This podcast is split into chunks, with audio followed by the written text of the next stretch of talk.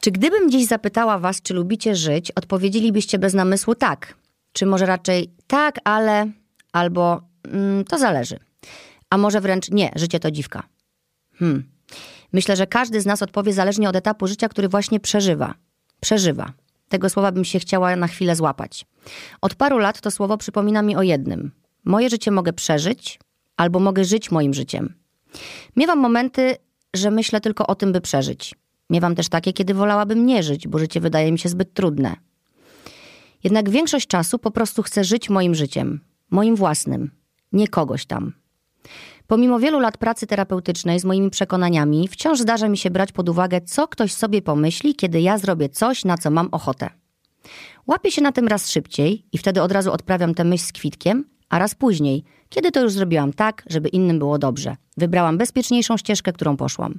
A marzyłam o tej drugiej, tej bardziej po lewej, bardziej mojej, trochę nieznanej. Wiem, że gdybym nią poszła, mogłabym dowiedzieć się czegoś nowego o sobie, czegoś się nauczyć, coś sprawdzić, coś przeżyć. Egoizm.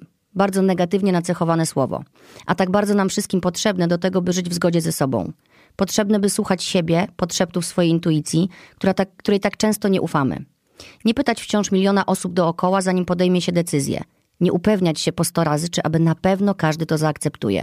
Można założyć od razu z wejścia, że nie każdy i mieć spokój. Łatwe, prawda? No właśnie niełatwe, ale totalnie do wypracowania świadomym postępowaniem i świadomym życiem.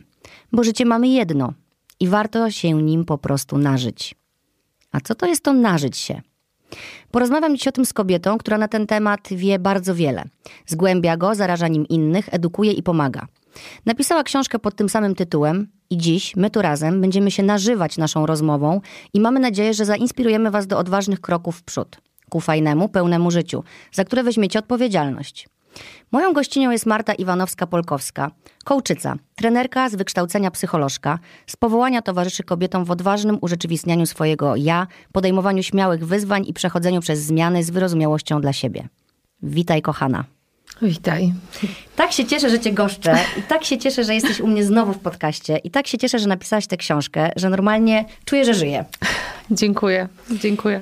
Słuchaj, e, felieton e, dość emocjonalny, bo bardzo, bardzo mi bliski temat, mm. bo podobnie jak ty, pewnego razu poczułam, że dosyć, że muszę wziąć odpowiedzialność za swoje życie. Trudne to było bardzo. Tak. Ale dzisiaj e, po prostu, jak mam gorszy czas, to sobie dziękuję za to wszystko, co się wydarzyło. Sobie samej, za te wszystkie łzy, za te wszystkie trudy, za, ten, za, to, za, to, za tą decyzję. Nażyć się. Jak to się zaczęło? Wiem, że opisujesz to w pierwszym rozdziale książki i powiem ci, nieźle się spłakałam. Zrobiło mi to coś, coś we mnie poruszyło i otworzyło. I dziękuję za to, bo takie emocje są naprawdę ważne. Od czego nażywanie się zaczęło? Ten rozdział pokazuje, że ta książka jest też o bólu i o strachach i o stracie. Tak, e, myślę sobie, że mm, ta książka przede wszystkim jest o tym, że życie może nas e, boleć, że możemy bardzo dużo w życiu stracić. I ta książka jakby zaprasza do tego, żeby się nażywać pomimo tego, co nas spotyka. Bo łatwo jest powiedzieć, chcę się nażyć, chcę mieć dobre życie, chcę mieć piękne życie, ale później to wdrożyć w życie, tak? Mhm. I sprawić, żeby to życie było dobre, pomimo tego, jakie ono czasami po prostu bywa. To jest po prostu bardzo trudne. Mm. I jak to się zaczęło? Mhm. Powiedzieć? Tak, kiedy poczułaś, y, że to jest teraz twoja droga i że, i że chcesz, chcesz się z tym zmierzyć? Mm, to był bardzo, czy znaczy to będzie bardzo osobista historia, bo, bo zresztą ta książka taka jest, że ona przeplata moje osobiste historie z historiami moich klientek, e, kobiet, ale też czasami mężczyzn, z którymi pracowałam i z wiedzą psychologiczną. Ale jeśli chodzi o, o początek nażywania się, to on był bardzo osobisty. Zaczęło się dokładnie 7 lat temu. E, mijał rok od śmierci mojego ojca mm, i to był taki czas, kiedy ja już powoli oswajałam się z tą jakby z tą informacją i z tą świadomością, że nie mam już obojga rodziców, bo 10, 10 lat wcześniej, jeszcze jak byłam na studiach, zmarła moja mama i miałam 30 parę lat i miałam dwójkę małych dzieci e, i poczułam, że ja nie mam swojego życia, że ja właściwie od paru miesięcy, a może i lat, głównie ogarniam rzeczywistość, tak? Bo kiedy umierają rodzice, to, to musisz zamknąć ich całe życie, tak? Posprzątać dom, w naszym przypadku rozdać, głównie rozdać rzeczy, bo dla nas to było też ważne, żeby, żeby się po prostu tymi rzeczami podzielić i, i nadać im drugie życie. Podjąć mnóstwo decyzji dotyczących tego, właśnie jak te życie rodziców i całej rodziny trzeba zamknąć. I po prostu było mi wtedy cholernie trudno. Dzieci były małe. W przypadku starszego syna mierzyliśmy się z diagnozą, później się okazało pod kątem zespołu Aspergera. Obok tego jeszcze jakieś takie typowe problemy 30-parolatka. Kredyt, praca, mobbingujący szef u mojego męża. E, jakieś wyzwania też mojego brata, z którym zostaliśmy sami na świecie. Dziadkowie, którymi trzeba się zaopiekować. I ja mam 30 parę lat. I ja mam wrażenie, że ja już tego nie ogarniam. Tak wtedy czułam. I mi się naprawdę powoli odechciewało życia. I miałam wrażenie, że w ogóle wszystko, co dobre, to już nawet nie minęło. Ja nigdy tego nie doświadczę. Mm. Ale popatrzyłam e, wtedy na główki, zawsze tak mówię, że to popatrzyłam na te główki moich chłopców. Oni wtedy, choć mają dwuletnią różnicę wieku, byli bardzo do siebie podobni. E, I w tych, tych moich synkach zobaczyłam siebie. E, bo u mnie sytuacja była taka, że moja mama zachorowała też jak byłam dzieckiem, zachorowała na raka piersi, jak miałam 11 lat. I przypomniałam sobie, że moja mama pomimo choroby wybrała życie. Że jakimś dziwnym trafem przez 12 lat chorowania nażywała się. Mhm. I że ja chyba muszę zrobić to samo. Wtedy jeszcze nie czułam, że robię to dla siebie. Wtedy poczułam, że ja naprawdę potrzebuję się nażyć, dla, dla moich synów. E, I czytałam wtedy taką książkę, którą zresztą w, w swojej książce cytuję. Książka się nazywa Po, Rachel Kask, autorki brytyjskiej e, Rachel Kask. I ona w tej książce co prawda opisuje rozwód i radzenie sobie ze stratą e, przede wszystkim wyobrażenia o swoim małżeństwie, o swoim związku. I ona tam napisała takie zdanie: Ja chcę żyć. Ja pomyślałam sobie, kurka, ja tego też chcę. No ale łatwo powiedzieć, trudniej zrobić. Obie tak. to wiemy. Natomiast y, y, wtedy to się zaczęło i napisałam wpis na blogu i ten wpis jakoś strasznie poszedł w internet. Dużo kobiet go przeczytało i pomyślałam sobie, może to jest kierunek, może to jest to, co mnie woła. I przez te 7 lat, y, no zaczęłam się, 7 lat temu i przez te 7 lat zajmuję się nażywaniem i e, różne doświadczenia moich klientek i swoje własne przeplatam wiedzą psychologiczną po to, żeby właśnie z tego mówienia o nażywaniu przechodzić do działania i do nażywania się faktycznego w swoim życiu. Hmm. Powiem ci, dużo, dużo, dużo, emocji. Jak opowiadasz o tym, widzę, że wciąż masz grymas na twarzy. Mm. Ja już też oczywiście y, ronię łzę, bo wiem, gdzie byłaś, wiesz, emocjonalnie. Mm-hmm. Myślę, że. O Jezu, sorry. Mm. No dobra, nie wstydźmy się tego. Wzrusza tak. mnie to. W ogóle mam gdzieś z tobą takie połączenie też na poziomie przeżyć różnych, chociaż były one zupełnie inne, mm-hmm. ale chodzi o to, o tą chęć, kurczę, żeby to życie było po naszemu, nie? Tak. I o to, że czujesz to i sobie myślisz, albo odpuszczę i stracę, tak. bo mamy tak. jedno życie, albo zawalczę. I to jest zawsze decyzja. Wydaje mi się, że to się zaczyna od decyzji i każda z nas musi taką decyzję podjąć. Każda z nas może powiedzieć, nie mogę, nie dam rady, za trudno, inni mają lepiej, ja gorzej, może się tym oblać, może się w tym taplać, ale każda też może powiedzieć, dlaczego skoro innym się udaje, to ja nie mogę. Dlaczego mm. skoro inni mają tyle siły, żeby zawalczyć, to ja nie mogę. Ja kiedyś byłam też w takim etapie, na takim etapie życia, że bardziej właśnie się oblewałam tym, że mam trudno i ludzie, którzy mieli lepiej, denerwowali mnie, zamiast mnie mhm. motywować. I to było straszne. To było dla mnie bardzo trudne, bo znikąd już nie było pomocy, bo skoro ci, co mają super, mnie wkurzają, że mają super i te kobiety, które odnoszą sukces, ja im zazdroszczę, zamiast patrzeć sobie na nie i mówić, kurczę, ale super, ja też tak chcę, ja też tak spróbuję. Dopiero właśnie podjęcie tej decyzji, że muszę spróbować, żeby się przekonać, czy ja dam radę, tak. sprawiło, że dzisiaj tu siedzę i robię coś, co mnie cieszy, co mnie nażywa. Tak jak ty wydałaś książkę, mówisz, że 7 lat zajmujesz się tym zagadnieniem i pomagasz kobietom i uświadamiasz je, że mogą. I widzisz w nich, że to się zmienia i to jest pewnie też to twoje nażywanie się. Absolutnie tak. Bo ja mam tutaj teraz od razu takie pytanie. Oczywiście pierwsze pytanie, jakie chciałam ci zadać, jak otworzyłam książkę, to było, co to znaczy nażyć się. Ale po lekturze twojej książki już wiem, że każda z nas musi sobie sama tę definicję napisać. E, mówisz też, że nażyć się łatwiej jest poczuć niż zrozumieć. I właśnie o tym jest dzisiaj też ta rozmowa, że ja czuję to, co ty mówisz do mnie. Dlatego się wzruszam, dlatego mi lecą łzy. Ale może zaryzykuję jednak i też, żeby nakierować dziewczyny. czym to jest dla ciebie w takim razie? Skoro każda z nas musi sobie napisać swoją definicję, to powiedz, czym to jest dla ciebie? Dla mnie to jest przede wszystkim um, codzienne wybieranie siebie i swojego dobrostanu wśród tych wszystkich obowiązków i zadań, którym muszę codziennie sprostać. Muszę, ale, ale też wybieram, tak? Bo jakby e, sama decyduję o tym, jak pracuję, ale czasami tej pracy jest dużo. Sama zdecydowałam o tym, że chcę mieć dzieci, ale czasami z tymi dziećmi jest po prostu bardzo dużo roboty e, i obowiązków, i stresów, i wyzwań. E, I obok tych wszystkich obowiązków, stresów i wy, wyzwań, moim nażywaniem jest to, że ja decyduję, jak ja o siebie zadbam, co ja dla siebie zrobię, żeby poczuć się żywą, żeby poczuć się spełnioną, żeby poczuć się szczęśliwą. Bardzo często nażywanie się jest właśnie o takich pozytywnych emocjach, żeby czuć radość, czuć spełnienie, czuć spokój, czuć satysfakcję, czuć zadowolenie, tylko właśnie jak to czuć obok tych wszystkich stresów, lęków, czasami złości, frustracji, której też nasze życie jest po prostu pełne. I ja uczę się każdego dnia po prostu wybierać siebie, pytać siebie, Marta, czego dzisiaj potrzebujesz? Jak możesz o siebie zadbać? Albo zadaję sobie pytanie, ok, to co jest dla ciebie ważne? Na przykład, y, jaką wartością kierujesz się podejmując tą decyzję? Bo może chcesz coś zrobić, bo to ci zaprowadzi do czegoś ważnego, a może właśnie nie chcesz czegoś zrobić, bo to będzie wbrew sobie. I ja traktuję nażywanie jako taką praktykę upodmiotawiania siebie, że, że ja jestem po prostu w tym wszystkim ważna, i dla mnie to też jest ciekawe. Jakoś myślę, że warto to powiedzieć, że jak przyglądam się swojemu nażywaniu i przyglądam się nażywaniu wielu kobiet, z którymi no, jakby wcześniej pracowałam, a teraz też bardzo często rozmawiam przy okazji książki, to okazuje się, że nażywanie jest e, też o tym, żeby pomieścić w sobie pewną różnorodność. Mhm. Że mogę być jednocześnie silną babką, która czasami płacze. Mogę być bardzo ogarniającą, przedsiębiorczą kobietą, która też miewa chwilę właśnie słabości, zagubienia i potrzebuje wsparcia.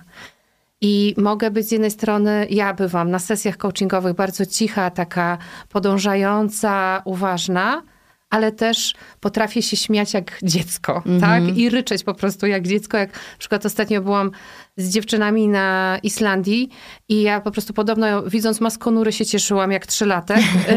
I one powiedziały, że one biorą z tego wyjazdu przede wszystkim mój rechot na widok maskonurów.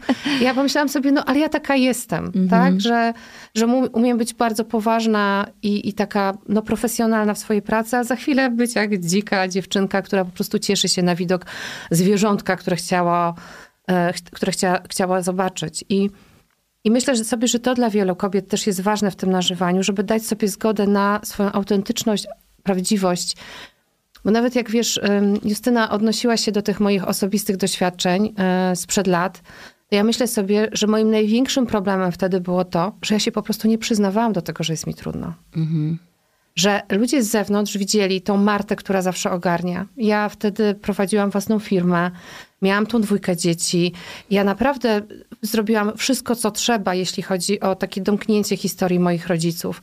Opiekowałam się dziadkami, e, byłam wsparciem dla innych osób też z mojego otoczenia, ale na zewnątrz nie pokazywałam, że ja w środku już jestem pusta, suchutka.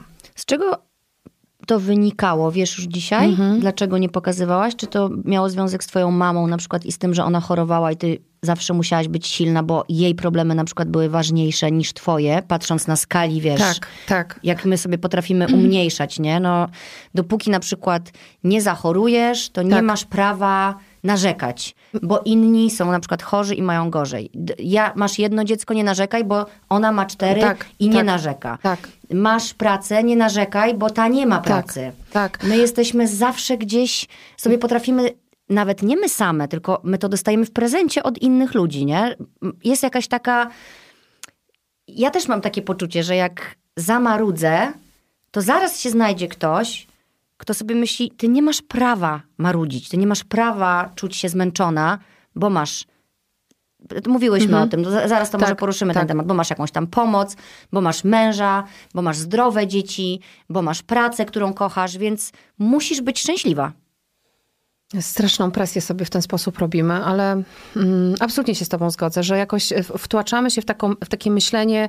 E, kategoriach porównywania, że, że, Ale że ja nie kto mogę... ma gorzej? My Ale się to- porównujemy ciągle kobiety do tego, która ma gorzej. My się licytujemy na to, która ma gorzej. I, I chyba myślę, znaczy chyba myślę, no, ja na pewno tak myślę, ja absolutnie w to wierzę, że to jest jedna z blokad przed nażywaniem się, że kiedy będziemy się nażywać, to będziemy szczęśliwe, zadowolone, będzie to po nas widać. I nie będzie nas interesowało, która jak ma, tylko będziemy sobie nawzajem kibicować, bo wiemy, jak fajnie jest być szczęśliwą kobietą i spełnioną. Tak. Jak fajnie jest być dla nas, dla naszego męża, dla naszych dzieci, dla naszych przyjaciółek, właściwie dla świata.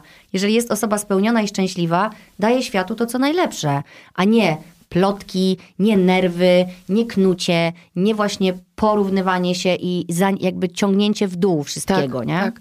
I, I to jest w ogóle ciekawe, że y, to, że ja mogę być teraz szczęśliwa y, i, i na przykład w tym momencie jestem, jak nagrywamy tą rozmowę, jak rozmawiamy, nie zmienia faktu, że za kilka godzin mogę być wkurzona. Rozdarta, e, rozbita. rozdarta, rozbita, bo nie wiem, dostanę trudny telefon, e, a wiem, dowiem się o czymś, co jest dla mnie po prostu przykre, albo po prostu wkurzą mnie moje dzieciaki, bo się po raz któryś tam o coś pokłócą.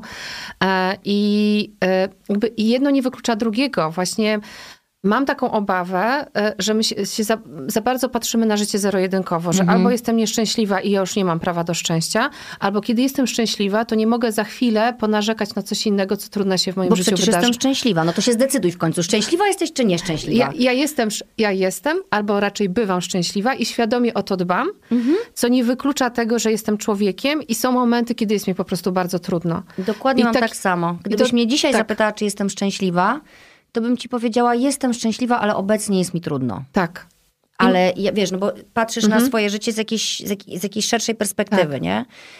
I to się nie wyklucza. Ja jestem też totalnie fanką dawania sobie prawa do skrajnych emocji. Mhm. Zresztą macierzyństwo ich uczy. Nic tak nie uczy y, tego, że są skrajne emocje, jak macierzyństwo, bo patrzysz na swoje dzieci, kochasz je, a za pięć minut po prostu myślisz sobie, Jezus Maria. Niech znikną na chwilę. Niech znikną, albo ja niech zniknę. Ja mam Tak. właśnie teraz taki tydzień, że mam ochotę zniknąć i jak mój syn się do mnie przytula wieczorem i mnie mizia, jestem tak przebodźcowana, że nie sprawia mi to przyjemności, tylko sobie myślę, Boże, niech on już w końcu zaśnie.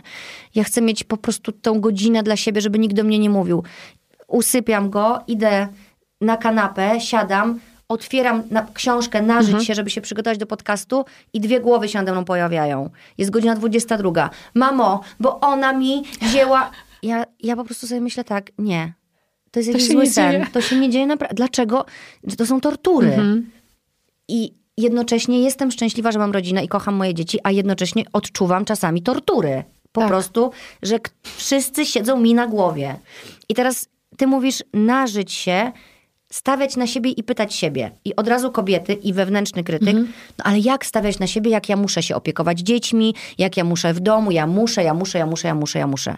Wiesz, jak się przedrzeć przez, ten, przez te powinności, musiadła i inne gówna, Tak. przepraszam, ale po prostu to są takie zalewające nas gówna. Jak się z tego wydostać i nie czuć się winną tego, że, że powiesz, tupniesz nogą i powiesz: Stop, ludzie, ja tu jestem, kochane moje dzieci, jestem człowiekiem, potrzebuję chwili dla siebie, kocham was, ale idźcie się kłócić gdzie indziej. Ja bym powiedziała, że dokładnie zrobić tak, jak powiedziałaś. To ja tak właśnie robię. A potem oczywiście, jak one spojrzą na mnie tak, dobrze, mamo, ale nie krzycz. To Ja ja, oczywiście co?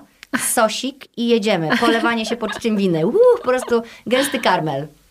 A, czy ja zacznę od tego, że poczucie winy, czy też wstyd w takich sytuacjach dla nas kobiet jest wręcz nawykowe. My jesteśmy po prostu uwarunkowane, ja mam wrażenie, wyuczone tego, że ilekroć powiemy coś swoim głosem, autentycznie strzewi, e, to powinnyśmy się czuć za to winne. My się zawsze chowamy później tak za, Tak. Taki, za takie drzewo i wyglądamy, co się wydarzyło, nie? Tak, Czy już po prostu tak. świat runął, jak powiedziałyśmy o swoich potrzebach, czy jednak jeszcze się wszystko kręci? A, ale świat nie runął. I myślę sobie, że w takim momencie warto, ja też piszę o tym w książce, jakby otulić się, tak sobie pomyśleć, Boże, to jest poczucie winy, zamknąć oczy, przytulić się tak samemu, tak, objąć się, się swoimi ramionami i powiedzieć sobie, Jezu, to jest poczucie winy, ono minie. Minie jak każda emocja, która przypływa i odpływa, tak? Czyli uznać je. Uznać je, że ono może się pojawić. A Czyli a można powiedzieć też, cześć, y, moje poczucie winy, fajnie, że jesteś, ale dziękuję ci już bardzo. Tak, i możemy też pomyśleć sobie... Poradzę sobie. Po, poradzę sobie, można sobie pomyśleć, aha, skoro się pojawiłaś, czy pojawiłaś poczuciu winy, e, to, to znaczy, że idę w jakimś odważnym kierunku, zrobiłam coś nowego dla siebie, więc to jest sygnał, że przekraczam jakąś granicę, której wcześniej bałam się przekroczyć. Ale ja jeszcze muszę coś powiedzieć o tych twoich córkach. Zapraszam. E, bo myślę Widziałaś sobie, je ostatnio. Tak, cudowne. Widziałaś, co się dzieje u mnie w domu? Tak. Jak próbowałyśmy tak. przez po prostu 10 minut wymienić parę zdań. Tak, tak. I, I, po prostu poznałam wszystkie twoje córki w tym czasie. I panią też. I syna. Tak, a syna to już w ogóle zakochałam się. Jestem wielką fanką. E, I myślę sobie, Boże, drogi, jaki maluch, ile to pracy. I naprawdę miałam dla ciebie wtedy tak dużo wyrozumiałości i podziwu, o matko. Także, Dziękuję tak, bardzo. Ta, naprawdę. W ogóle ważne jest usłyszeć takie słowa. Naprawdę. Mówcie tak, sobie, to jest naprawdę mały słowa. człowiek i on naprawdę potrzebuje uwagi. Jest uroczy, ale naprawdę potrzebuje bardzo dużo uwagi. I wracając do córek, do, do, do córek, mm, bo mm, wiesz, e, jak one też, jak one, kolejne pokolenie kobiet, jak one mają się nauczyć tego stawiania granic, wyrażania swoich emocji, skoro nie widzą tego u ciebie to ty jesteś ich przewodniczką po tym świecie. I oczywiście możesz najpierw w emocjach powiedzieć y, to, dość dziewczyny, mam dosyć, ale możesz za chwilę, czy następnego dnia przy śniadaniu wrócić do tej sytuacji i powiedzieć, dziewczyny, tak bywa w życiu, że chociaż kogoś bardzo kochamy, to możemy mieć potrzebę bycia samemu, bez tej osoby. I wczoraj był taki moment. Dla mnie, jako waszej mamy, było po prostu za dużo.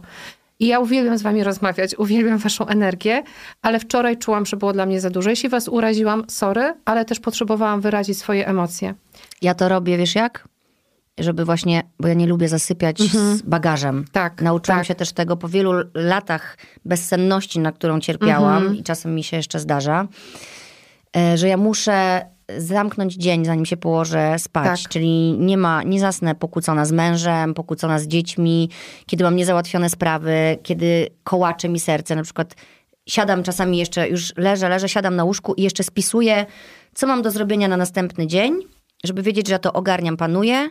Odkładam telefon i dopiero zasypiam. I tak samo z dziećmi, jeżeli się wydarza taka sytuacja, a wieczorem, jak jest 23 na przykład, a one wciąż, wciąż i wciąż, to potrafię napisać do nich SMS-a. Mhm za chwilę, o, za chwilę tam widzę kropeczki. Ja mówię, kurde, nie śpią jeszcze. Bo myślę, że sobie rano może przeczytają. Mm -hmm. Ale z drugiej strony się cieszę, że odczytały i też nie idą z tym spać. Mm -hmm. No i za chwilę, wiesz, tup, tup, tup po schodach. Mm -hmm. I one się też teraz tego nauczyły. Już też dostaję takie SMS-y, jak któraś na przykład się zdenerwuje, trzaśnie drzwiami, to potrafi przemyśleć i za 10 minut czy za 5 napisać: Mamo, przepraszam cię, ale po prostu mam dzisiaj wszystkiego dosyć, jestem zmęczona. Pójdę tak. już dzisiaj spać, dobranoc. Mhm. I sobie teraz, jak mi to powiedziałaś, żeby tak robić, sobie myślę: kurczę, nieźle nam idzie. Bardzo dobrze. I Pomimo jeszcze... tego, że to kosztuje mhm. tyle emocji, nie? I w tym momencie, kiedy to się mhm. dzieje, myślisz sobie, znowu dam dupy jako matka. Ale z drugiej strony, jak spojrzysz na to, Nauczyłam moje dzieci tego, że każdy ma prawo do emocji i można przeprosić, i można dalej żyć i się kochać, i po prostu dać sobie prawo do tego, żeby coś wyszło z ciebie, nie? Tak. A nie kitwasić to i po prostu zaciskać zęby i wbijać pazury sobie, wiesz, w, w dłonie, nie? I to jest tu kluczowe, e, drogie słuchaczki i słuchacze, że żeby zauważyć, jaka by była cena tego, żebyś, żebyśmy, żebyś ty, żebym ja, żebyśmy nie sygnalizowały swoich potrzeb. My płacimy mhm. ogromną cenę za to, że po prostu milczymy o tym, co czujemy i czego potrzebujemy. I, i to jest kluczowe w ogóle w tym całym nażywaniu się, żeby w końcu zacząć nazywać to, co w nas siedzi. Bo e, jeżeli to tłumimy, to to ostatecznie się w nas odkłada. Odkłada się w postaci tego, że albo wcześniej czy później wybuchniemy atakiem niekontrolowanych emocji i wtedy po prostu już pójdzie po tych dzieciach, po tym mężu, znaczy, po tych córkach pójdzie po prostu po całości. tsunami. Dokładnie. I i A nikt nie będzie rozumiał, co się dzieje. Nikt, bo w takim, w takim piku emocjonalnym to się nazywa skok na żyrandol. My po prostu też mu... Skok na żyrandol. Tak, tak to, to zostało... Fajnie sobie to wyobrazić, bo to od razu bo rozładowuje trochę napięcie. To jest taki po prostu skok, nie? że po prostu w tych emocjach skaczemy tak wysoko jak żyrandol. I, I po prostu my wtedy mm, naprawdę lecimy po całości. Często, mój syn się często, się, często raz się zaśmiał. Mówimy, jak to jest, mamo, możliwe, że w kłótniach potrafisz wrócić do czasu, kiedy byłaś w ciąży ze mną, nie? A chłopak ma 12 lat aktualnie. I, I wczoraj jedna z klientek powiedziała, że się cofasz aż do Grunwaldu, nie? Mhm. E, no tak, bo, bo w tych pikach emocjonalnych po prostu użyję po prostu najlepszego słowa, chociaż brzydkiego, pieprzymy głupoty często. W ogóle to nie jest o emocjach, o granicach, tylko jest o jakimś rozładowywaniu tego napięcia, To które tu miłość. To jest szał. Dwa, to wcześniej czy później się odłoży w nas w postaci problemów zdrowotnych, tudzież problemów psychicznych, tak? Albo wypalenia, albo depresji, bo to się dzieje z nieprzepracowanymi, niewyrażonymi emocjami, że one gdzieś w końcu będą chciały, będą szukały tego ujścia. I to, co chcę powiedzieć, to też, mm, to też to, że mm, ja w tym okresie, e, kiedy nie umiałam się nażywać, to przede wszystkim nie umiałam się przyznawać do tego właśnie, co czuję, czego potrzebuję. Nie umiałam po to sięgać E, i nie potrafiłam po to sięgać, e, po to, czego potrzebuję po prostu codziennie. I często jak prowadzę mm, warsztaty z nażywania się, mówię dziewczynom, kobietom, Twoim zadaniem jest wymyślić sposoby na nażywanie się codziennie, sposoby na nażywanie się e, raz, kilka razy w tygodniu może i sposoby na nażywanie się raz na jakiś czas, nie wiem, w postaci wyjazdów, podróży, tak? Czyli to mogą być. Skala nażywania się jest bardzo duża i możesz korzystać z tego, jakie masz teraz zasoby, ile masz czasu, ale codziennie możesz coś zrobić. Tak. Czy my powiedziałyśmy w końcu, bo ta rozmowa nam pięknie płynie, jakie są twoje. A, jakie są Bo moje... myśmy chyba gdzieś uciekły od Uciekły. tego i teraz do mnie to wróciło. Tak. A mnie to bardzo ciekawi. Jakie, jakie są twoje. E, jakie, czym jest twoje nażywanie się? Co, czym to jest dla ciebie? Znaczy, w takiej praktyce, y, jak ja, jak ja wybieram siebie, to w mojej prakty- mo, moje praktyki takie codzienne są bardzo mocno o, e, o, o ciele, tak naprawdę. Tak. Opowiedz. Że mm, jednak taka codzienna praca i codzienna ta charówka, którą wykonujemy, jakby zmusza moje ciało na przykład do siedzenia długie godziny przed komputerem, a moje ciało tego nie lubi. Więc ilekroć kładę się na matę, ilekroć ćwiczę, ćwiczę jogę, ilekroć y, idę na spacer, e, ilekroć olejuję swoje ciało olejami, bo odkryłam, że to jest po prostu taka forma mojej takiej codziennej terapii, tak? Że Ugłaskiwania. tak, masowania, uszanowywania tego ciała, to, to jakby ja czuję, że przede wszystkim moje ciało jest żywe, tak? One, ono jest zaopiekowane, tak? A, a ciało wie więcej niż my, tak? Ono wyłapuje każdą emocję i każdy dyskomfort z codzienności. Moje nażywanie się to też jest e, robienie w pracy tego, co kocham. E, a nie zawsze tak było, tak? Bo kiedyś wykonywałam poważną pracę konsultantki, która zajmowała się oceną kompetencji pracowników w organizacjach. I Brzmi szałowo. bardzo. W ogóle o tym napisałam pierwszą książkę i nikt o tej książce nie wie. Nie było zainteresowania. E, wiesz, bardzo wąska grupa odbiorców, bardzo taka woziutka, taka bardzo, bardzo tyci. Ale też, Mała na, książeczka. też, też dla mnie na przykład ważne jest to, jak ja przy okazji wyglądam. Tak, że teraz wykonując też no ciągle poważny zawód, ja wiesz, pracuję też dla organizacji, dla biznesu, pozwalam sobie na kolorowe buty, kolorowe sukienki, e, roztrzepane włosy na głowie, kolorowe paznokcie, bo ja kocham kolor i, i gdybym nie była psycholożką, pewnie byłabym artystką e, i poszłabym do szkoły plastycznej, tylko rodzice mi nie pozwolili. E, i, I po prostu wszystko, co jest takie żywe, kolorowe, e, jest dla mnie ważne w takiej mojej codzienności. I właśnie pozwolenie sobie na to, obok tego, że jestem poważną panią psycholog, e, jest dla mnie moim takim nażywaniem się, wybieraniem siebie. Wiesz, ja się nażywam, kiedy się nazywam, na, nazywam kołczycą, Okej. bo to jest moja świadoma decyzja, żeby za, chociaż jestem profesjonalnym coachem, tam zdaję egzaminy, mam certyfikację, superwizuję się i dbam bardzo o profesjonalność mojej pracy w roli coacha, to zaczęłam się nazywać coachicą, żeby moim klientkom, które często pracują w bardzo męskich organizacjach, dać sygnał, możemy być kobietami w tej pracy, którą wykonujemy, tak? I, I ty możesz być programistką, ty możesz być, i, nie wiem, informatyczką, architektką, chirurżką. A wiesz, że wiele kobiet nie lubi tego? Bo ja się spotykam, wiesz, u mnie są też gościnie. Tak. E, ale na przykład miałam jedną gościnę, która powiedziała, że ona nie chce być gościnią, tylko chce być gościem. Ja to uszanowałam i tak ją przedstawiłam. Czyli dalej jest tak, że nie wszystkie kobiety mają taką potrzebę. I ja też to szanuję. Ja też, tak. Natomiast y, ja używam jednak tych, tych y, jak się, powiedz mi to słowo, Feminatywów. feminatywów, dziękuję. Żeńskich końcówek w nazwach zawodów, jak to mówi jedna z moich klientek. Żeńskich końcówek w nazwach zawodów. O kołczycy y, mówimy też w podcaście, który nagrałyśmy już dawno temu. Mhm. Jeśli macie ochotę, y, zapraszam was. O czym rozmawiałyśmy? Mamo, nie bój się robić kariery. Tak, to był tak. podcast Matka też Człowiek z Martą też Iwanowską-Polkowską. Odsłuchajcie go sobie, bo tam też dużo powiedziałyśmy ważnych rzeczy, Mhm. już takich jak się nie bać w ogóle żyć, nie? Tak, i, i W też kontekście bardziej zawodowo. pracy wtedy, tak. Jezu, zobacz, ja mam tu tyle tych notatek, To my nie dawaj. przejdziemy przez wszystko. Mm. Na początku książki zadajesz zadania i piszesz narysuj swoje, nażyć się i zaraz potem mówisz, co wiele z nas od razu pomyślało. Czyli, ale jak narysować? Przecież ja nie potrafię. Przecież to będzie jakiś bohomas. Jak to jest z tym wewnętrznym krytykiem? I Mhm. dlaczego jest taki s- straszny? Straszne. Jest, jest. Krytykowi wewnętrznemu też dedykowałam jeden z rozdziałów, bo to jest głos, który prawdopodobnie odpali nam się w głowie, jak będziemy chciały się nażywać. Myślę, że odpala nam się każdego jednego dnia.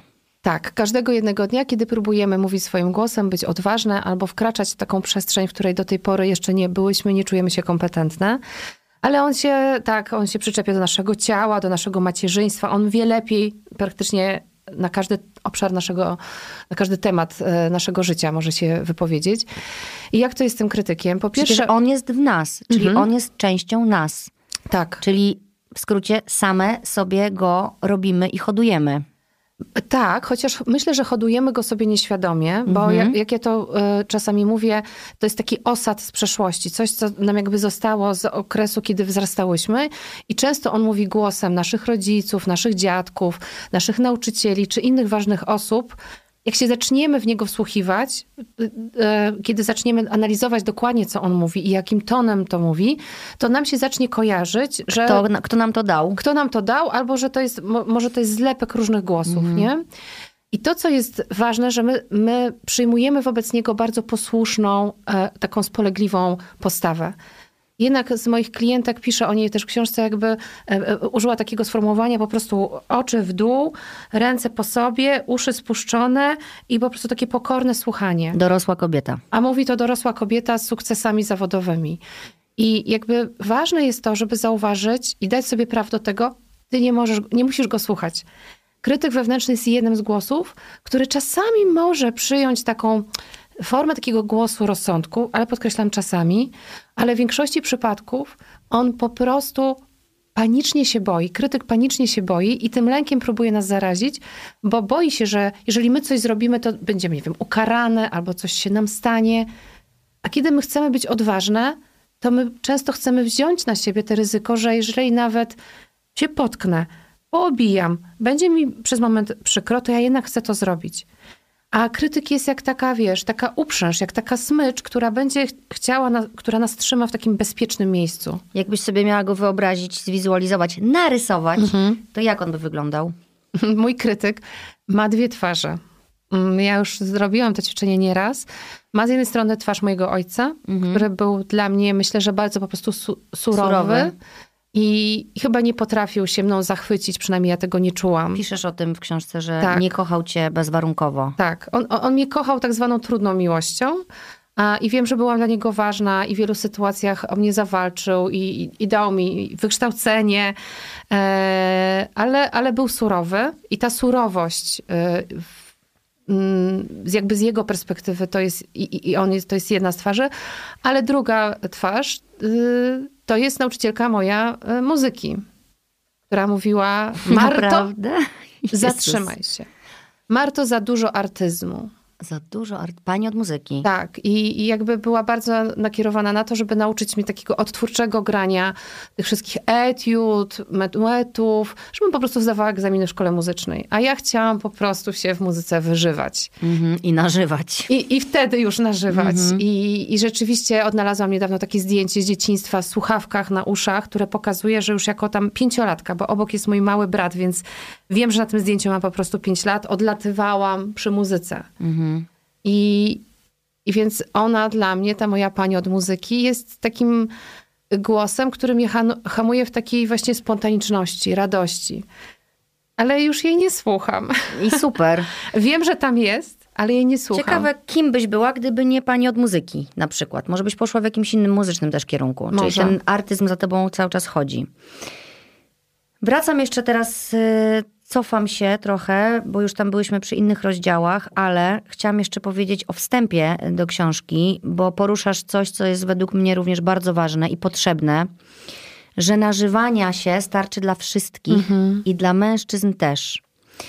E, I że to jest wyjątkowe tak naprawdę w książce, która jest de facto dedykowana kobietom, ale zwracasz dużą uwagę na to, żeby wziąć pod uwagę też mężczyzn, partnerów naszych, mężów, kolegów, po prostu Braci. braci. I nie wykluczasz również, żeby, nie wykluczasz również kobiet, które kochają kobiety, czyli jakby dajesz każdemu prawo do tego, żeby się nażył i tutaj sygnalizujesz, że jest to ważne, żebyśmy wszyscy się nawzajem widzieli i wiedzieli, że wszyscy mamy te potrzeby, niezależnie od tego, kim jesteśmy. Bardzo to jest ważne, żeby też porozmawiać ze swoim partnerem o tym, czego on potrzebuje, nie? Bo my i wtedy może nie poczujemy się takimi egoistkami, bo myślę sobie, wiesz, jak obierać tą cebulę, żeby tam się do, dokopać do tego naszego nażywania się. Już krytyka sobie rozpra- możemy rozpracować właśnie tym ćwiczeniem, które powiedziałaś przed chwilą, że sobie zobaczyć, kim on tak naprawdę jest i doj- dojść do tego. Łatwiej nam będzie się z nim później nie zgodzić, niż jak będzie jakimś czarnym potworem bez twarzy, który może być każdym. Tak. Jak tak, już wiesz, kim on jest, to łatwiej ci po prostu powiedzieć mu, pani już dziękujemy. Tak. Albo Wyciszyć panu jego już dziękujemy, Tak, nie? tak.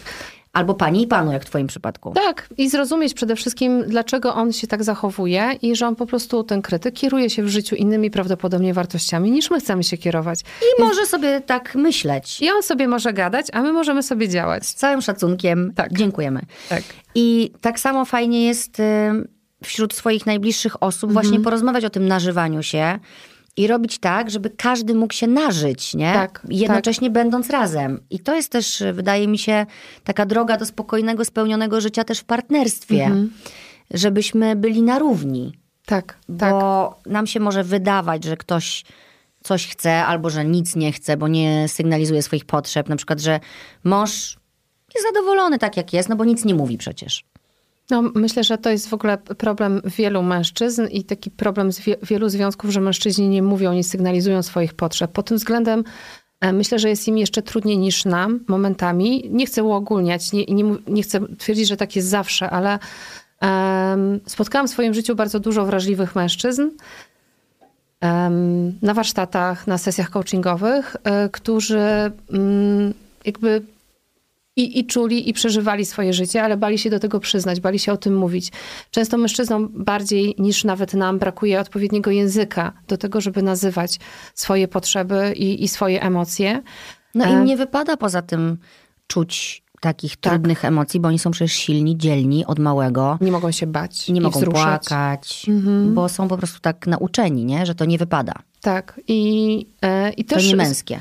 I to nie, mięs- nie męskie i też, też są jeszcze bardziej niż my zobowiązani do tego, żeby skupiać swoją energię na pracy i na produktywności. Tak jakby mężczyźni mają być na tym świecie odpowiedzialni, odpowiedzialni za pracę, a my za wychowanie e, e, dzieci i w ogóle za dobrostan rodziny. E, oczywiście to się zmienia, teraz bardzo stereotypami lecę. No tak, A- tak, tak, ale, ale- to ale świadome życie teraz nasze i to, że właśnie jest coraz więcej treści też na ten Tak. temat. Wiesz, co ci powiem? I dlatego też chcę tu mówić o tych Mhm. mężczyznach. Pozdrawiam was, kochani mężczyźni, ponieważ dostaję coraz więcej wiadomości od mężczyzn i to jest dla mnie po prostu jak no, miód. Mhm. Piszą do mnie mężczyźni, że dziękują mi za moje podcasty, bo dzięki temu mogą lepiej zrozumieć kobiety. Że słuchają moich podcastów i to jest dla nich ważne, żeby zobaczyć, jak my myślimy i jak my czujemy. Zobacz, jakie to jest niesamowite, że mężczyzna sięga po takie treści, które z wejścia są, okładka jest z kwiatami i tak dalej, gdzieś sugeruje, że to są treści kobiece. On sięga z ciekawości i jeszcze ma taki, taką potrzebę, żeby napisać podziękowanie, że on się może dużo dowiedzieć o nas, o kobietach z, z To tych jest podcastów. Piękne, to nie? W ogóle Dlatego... gra, gratuluję ci tego, bo to jest myślę, że bardzo, bardzo ważne. Ja też dostałam kilka wiadomości od mężczyzn e, po przeczytaniu mojej książki, że po nią sięgnęli i że właśnie dziękują, że z jednej strony jest im łatwiej zrozumieć ich kobiety, ale też dzięki tej książce im jest łatwiej zrozumieć siebie samych, tak? Bo jednak ta książka jest tak gęsta w różne historie, czy to o mnie, czy to o osobach, z którymi pracowałam, że można się z tym zidentyfikować, zrozumieć. A też ja piszę bardzo takim konkretnym językiem, tak myślę sobie, że tam jest, sporo metafor, ale tam też jest bardzo dużo konkretów i jakoś panom to pasuje. Ale wracając jeszcze do panów, to chcę powiedzieć taką rzecz. E, Jeden z najbardziej odważnych rozdziałów tej książki to jest rozdział o moim mężu i o jego nażywaniu się. Oczywiście on wyraził zgodę na publikację tego rozdziału, ale oboje płakaliśmy. Ja jak pisałam e, i jak e, on czytał i, i widziałam jego wzruszenie, jak czytał ten rozdział, bo w, tej, w tym rozdziale pisze o takiej rzeczy, która mam wrażenie często nam umyka, że nasi mężowie towarzysząc nam w różnych trudnych sytuacjach, e, takich na przykład, no w moim przypadku śmierć rodziców, ale też, nie wiem, choroba dzieci, no nasi mężowie też tracą swoich rodziców, tak? Pandemia teraz jakby sprawiła, że znacznie więcej ludzi z naszego pokolenia straciło wcześniej rodziców. E, I, I ci nasi mężowie, będąc też tacy zobowiązani do tego, żeby być dzielni, żeby sprostać oczekiwaniom, żeby być wsparciem, no jakby zamykają swoje serce najpierw po to, żeby nie czuć nie wiem, może stru, strachu, zagubienia w tych trudnych momentach, ale kiedy zamykają swoje serce, bo to tak działa i to tak działa u kobiet i mężczyzn, że jak zamykamy swoje serce na to, żeby nie czuć strachu, bólu, żalu, to zamykamy też swoje serce na to, żeby nie czuć radości. I tą radość jest bardzo trudno wtedy czuć, kiedy jesteśmy tacy odcięci od emocji. Tak, to jest I... ważne, co mówisz, bo y, to się tyczy w ogóle ludzi, że my sobie myślimy, że jeżeli będziemy twarde i po prostu damy radę, zawsze damy radę, to wszystko będzie dobrze, nie? Mhm. Ale że ten kij ma właśnie dwa końce, końce, że odcinając się od emocji, odcinasz się również od tego dobra, od szaleństwa, od miłości, od czucia tak. tego właśnie dziecięcej radości, mhm. jak widzisz coś po prostu, że możesz zaklaskać nawet, tak, nie? Tak. Że, że to się nie da tak. Albo wchodzisz w to na 100% i radzisz sobie, radzisz w kontekście, przeżywasz wszystkie emocje, i wtedy żyjesz, mhm, tak. albo się odcinasz i sobie zabierasz wszystko. I, i nie ma tego żyjesz. Jest takie bycie za szybą. Przeżywasz swoje życie tak, jak ono ci się układa i tak, jak ci się pisze ten scenariusz, nie? a nie żyjesz swoim życiem. I, i jeszcze tylko jeden, jedną rzecz powiem o tych mężczyznach. E, sama widzisz, jak, jak się spotkałyśmy e, i zaczęłyśmy rozmawiać o książce, wróciłam do tego rozdziału o, mhm. o moim mężu i sam przeczytałam na nowo taki fragment, który mnie zatrzymał, na ile tym fragmencie pisze, zadaje takie pytanie, na ile dajesz sobie, ale przede wszystkim swojemu partnerowi zgodę na to, żeby był jednocześnie silny i słaby, żeby był opanowany i wrażliwy, że ten mężczyzna też chce taki bywać, tak? Ja wiem, że ty, kobieto, oczekujesz od swojego męża często takiego właśnie partnerstwa, takiego panowania, takiej stabilności, ale na ile jesteś w stanie pomieścić y, na kanapie, jak rozmawiacie, jego wrażliwość, jego perspektywę, jego emocje. I to myślę, że też jest ważne dla nas kobiet, żebyśmy mm, nie tylko gadały, że chcemy mieć w tym mężu e, takiego, nie wiem, partnera, przyjaciela, ale też przyjęły tego partnera, przyjaciela, kiedy jest mu trudno, mhm. kiedy on się gubi. Bo nasi mężowie też się gubią. I statystyki w Polsce jakby mówią jasno, e, jakby to mężczyźni w Polsce głównie po, y, mm, popełniają samobójstwa, tak. tak. w wyniku depresji. Dlaczego? Dlatego, że prawdopodobnie ciągle boją się przyznawać do swoich emocji. Nie potrafią i, i prosić po pomoc. o pomoc, no, tak. bo to świadczy o ich słabości, nie? Tak, tak bardzo, tak. bardzo i braku męskości. Oni się chyba też boją, też zgłębiałam kiedyś ten temat właśnie tego, że, że to będzie niemęskie, mhm. nie? Oni od małego, od kiedy są chłopcami, oczekuje się od nich, że oni będą męscy. Co to jest ta męskość? Ta męskość też się przedefiniowała w dzisiejszych tak. czasach. I warto w ogóle o tym pamiętać, że męskość dzisiaj oznacza też wrażliwość. Tak. Dla mnie nie ma nic bardziej sexy i męskiego, jak, jest, jak wrażliwy facet, który potrafi właśnie powiedzieć, co czuje, nie? To tak. mnie kręci. Tak. Nie twardziel, który będzie zgrywał po prostu jakiegoś tam, wiesz, kogoś, kim nie jest. jest. A w mhm. środku będzie po prostu czasami zagubiony i co się często na przykład wyraża przez złość, agresję tak, później, tak. nie? Bo, bo facet już nie wie, co ma zrobić. Tak. Super, że o tym mówisz i że to jest też dla ciebie ważne, bo i, i tu, że o tym mówimy, żeby też właśnie kobiety spojrzały na, na, na swoich facetów przychylnie. Myślę, że kobiety się też boją uznać tej wrażliwości, bo wtedy czują, że to one teraz będą musiały być mhm. jeszcze silniejsze. Mogą być takie momenty, wydaje mi się, że nikt nie musi być silny. Mhm. I że możemy sobie razem popłakać, że możemy mhm. sobie razem powiedzieć, jest do dupy. I razem się zastanowić, co robimy, żeby było lepiej, nie? E, bardzo mnie cieszy, że coraz więcej par po to sięga jednak, nie? Że to się już, że już nawet nie mówię o samej terapii, e, gdzie ludzie chodzą, ale też więcej par teraz sięga po terapię. Mhm. Natomiast w ogóle po chęć wysłuchania drugiej strony. Tak, I właśnie pozbycia się stereotypów i tego, że musimy być jacyś, bo tego się od nas oczekuje. Fajne pokolenie e, rośnie i mam nadzieję, że będziemy mieć jeszcze fajniejsze pokolenia wśród naszych dzieciaków, które się wychowują teraz w takich domach, nie? Dobra, dalej. Mm. Przepraszam was, tutaj się, za- bo muszę, widzę, patrzę na zegar i wiem, że ja muszę zacząć już wybierać. Ale jeszcze, jeszcze mamy czas. Mamy Jeszcze chwilę. dobrze. No a ja mam tutaj, zobacz kochana, ile stron i tu każdy jest ważny. O, powiedzmy o tym, bo już trochę napomknęłyśmy. Rozdział 20 o kobiecym zmęczeniu. I tam apelujesz o to, żeby uznać swoje zmęczenie. I to jest problem dla nas, ponieważ e, uznanie swojego zmęczenia kojarzy nam się z byciem słabą, z marudzeniem, z tym, że nie dowiozłam, nie zrobiłam, a może nie powinnam w ogóle być matką, co ze mnie za matka. Druga kobieta ci powie, po co se rodziłaś te dzieci, jak teraz narzekasz? Też już takie kiedyś coś usłyszałam. Po co pani sobie te dzieci robiła, skoro pani nie ma dla nich teraz czasu, bo pani tyle pracuje?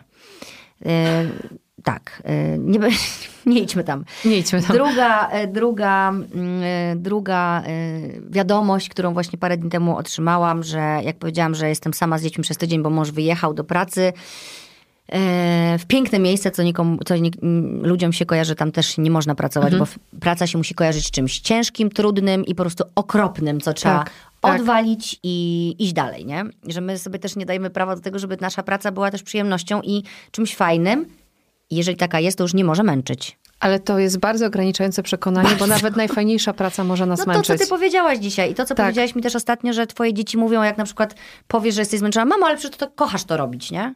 No, kocham to Kocham. robić, was też kocham, co nie znaczy, że mnie nie męczycie czasem, nie? Dokładnie, bo zmęczenie jest o pewnym koszcie, albo fizycznym, albo emocjonalnym, który ponosimy w związku z wykonywaniem jakiejś czynności, tak?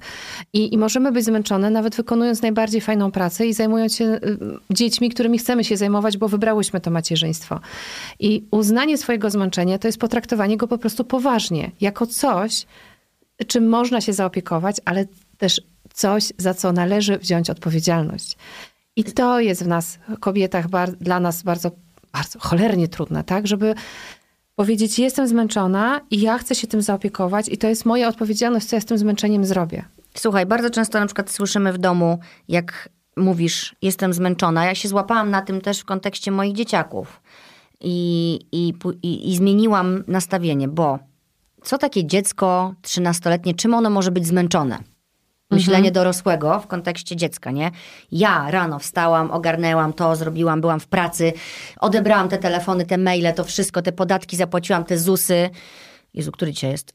Tak. Kiedy podatki właściwie... 19. Jeszcze, Dobra, do jutra. jeszcze. E, Zdążę. To ja mogę być zmęczona, a nie ty po prostu gówniaro, która se poszła do szkoły i fiu bździu i nie wiadomo co. I wiesz, słyszałam też w dzieciństwie takie rzeczy, jak mówiłam, jestem zmęczona, a ty wiesz, jak ja jestem zmęczona. Znowu licytowanie. Tak, uznać zmęczenie swoich dzieci. Będzie nam też może łatwiej uznać swoje zmęczenie, Tak, nie? I pomyśleć sobie, na tym etapie życia, na jakim ona jest, to jest dla niej teraz zmęczenie, bo to jest jej życie. Ona nie zna jeszcze pracy, nie zna jeszcze podatków ZUS-u, y, konfliktów, y, zna konflikty na poziomie, bo ktoś tam powiedział, koleżanka albo nie usiadła ze mną w ławce albo coś. To jest ich życie. Więc żebyśmy my od małego uczyły też swoje dzieciaki i też może nam będzie łatwiej uznawać właśnie to, że każdy ma jak ma. Tak. I dla, i dla mnie może być, dla mnie jak jestem zmęczona, to może oznaczać, że przewaliłam, wiesz, nie wiem, 50, nie, nawet więcej. Ja mm, byłam na terapii, słuchaj, z dziewczyną, która prowadziła e, sklep, e, żabkę chyba i po prostu nie miała pracowników i musiała bardzo też pracować fizycznie często. I ona mnie też nauczyła tego, że ona jest zmęczona, ale ja pracując umysłowo i kreatywnie i robiąc i pisząc, tak samo mogę być zmęczona. I myśmy sobie nie zabierały tego, że dobra, ty jesteś bardziej zmęczona, bo ty pracowałaś fizycznie, a ty jesteś mniej zmęczona, bo siedziałaś na dupie przy biurku cały dzień i tylko głową pracowałaś. Wiesz, że jakby każdy ma co innego, żebyśmy się przestały licytować. Tak jak ja ostatnio właśnie a propos tego mojego męża wyjechanego. Powiedziałam, że jest mi ciężko, bo nie mam ani jednego wieczoru od tygodnia dla siebie, bo moje dzieci chodzą późno spać i ja już po prostu padam na cycę o 23 i w ogóle nie wiem, gdzie ja jestem. I usłyszałam właśnie od jednej y, pani, że wcale nie mogę być zmęczona, bo niania się zajmuje w ciągu dnia moim dzieckiem. W ciągu dnia, kiedy ja pracuję. Tak.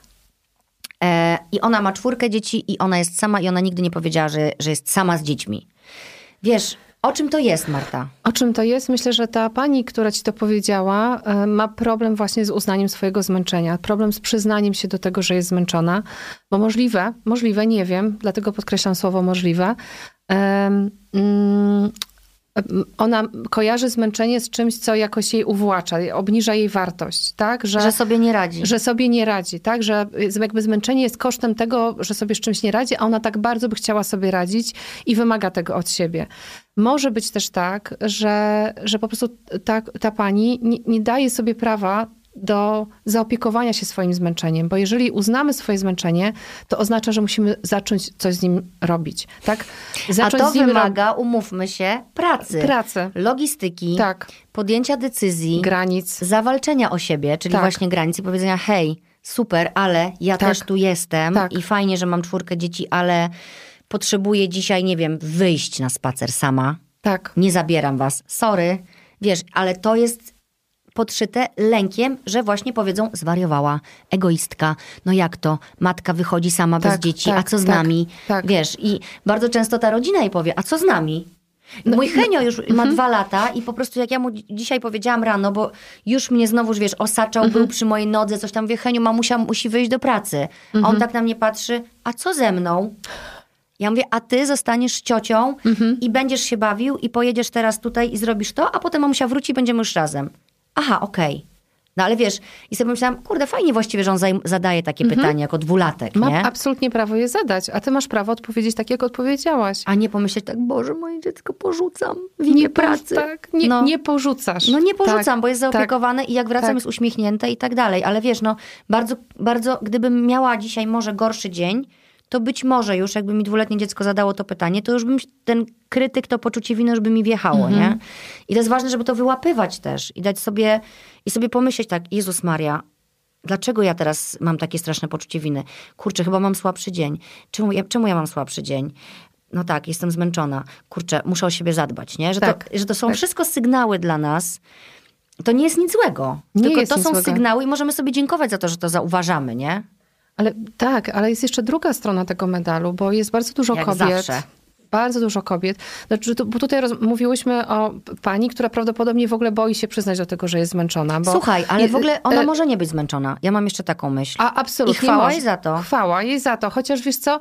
Nie, nie e, wydaje mi się, że można nie być jest zmęczoną. Jest to mało prawdopodobne według mnie, ale może... I być z nimi samą, tak. bez, bez pomocy. Znaczy myślę sobie, że jakby nie była zmęczona, to by też tak nie zareagowała. Dobra, chciałam, że... chciałam tak, być miła. Tak, no. ale no, może tak być, że ją to nie męczy, tak? Może tak być, bo nas mogą męczyć różne rzeczy w różny sposób.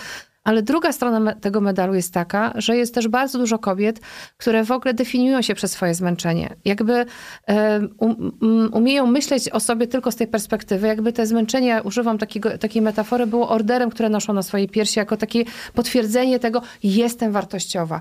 Ucharowana, daję światu wartość, jestem wartościowa. I boją się nie być zmęczone. Który to był rozdział? To chyba ciągle jest o tym zmęczeniu, ten, który cy cytujesz. Uznanie swojego zmęczenia. Tak. I tam jakby to, to, co jeszcze chcę dodać, że mm, często dla takich kobiet jakby problemem jest to, z jednej strony to, że jak przestaną być zmęczone, to pod tym zmęcz to się wyłoni to, to, co pod tym zmęczeniem jest, bo zmęczenie to jest też sposób na tłumienie emocji, na przykrywanie emocji. Jak przestanę być zmęczona, to pod spodem może się okazać, że jest jakiś szal, jakiś smutek, jakiś ból, coś, co wymaga znowu przepracowania, zaopiekowania, naszej interwencji, bo tak jest z emocjami, że emocje są informacją, z której powinniśmy korzystać i czytać. Ale z drugiej strony, jak to będzie, kiedy przestaniesz być zmęczona i nie wiem, pojedziesz na przykład na święta, na jakiś obiad rodzinny, usiądziesz E, na kanapie czy na fotelu i powiesz, no ja nie jestem zmęczona. Ja już umiem o siebie zadbać.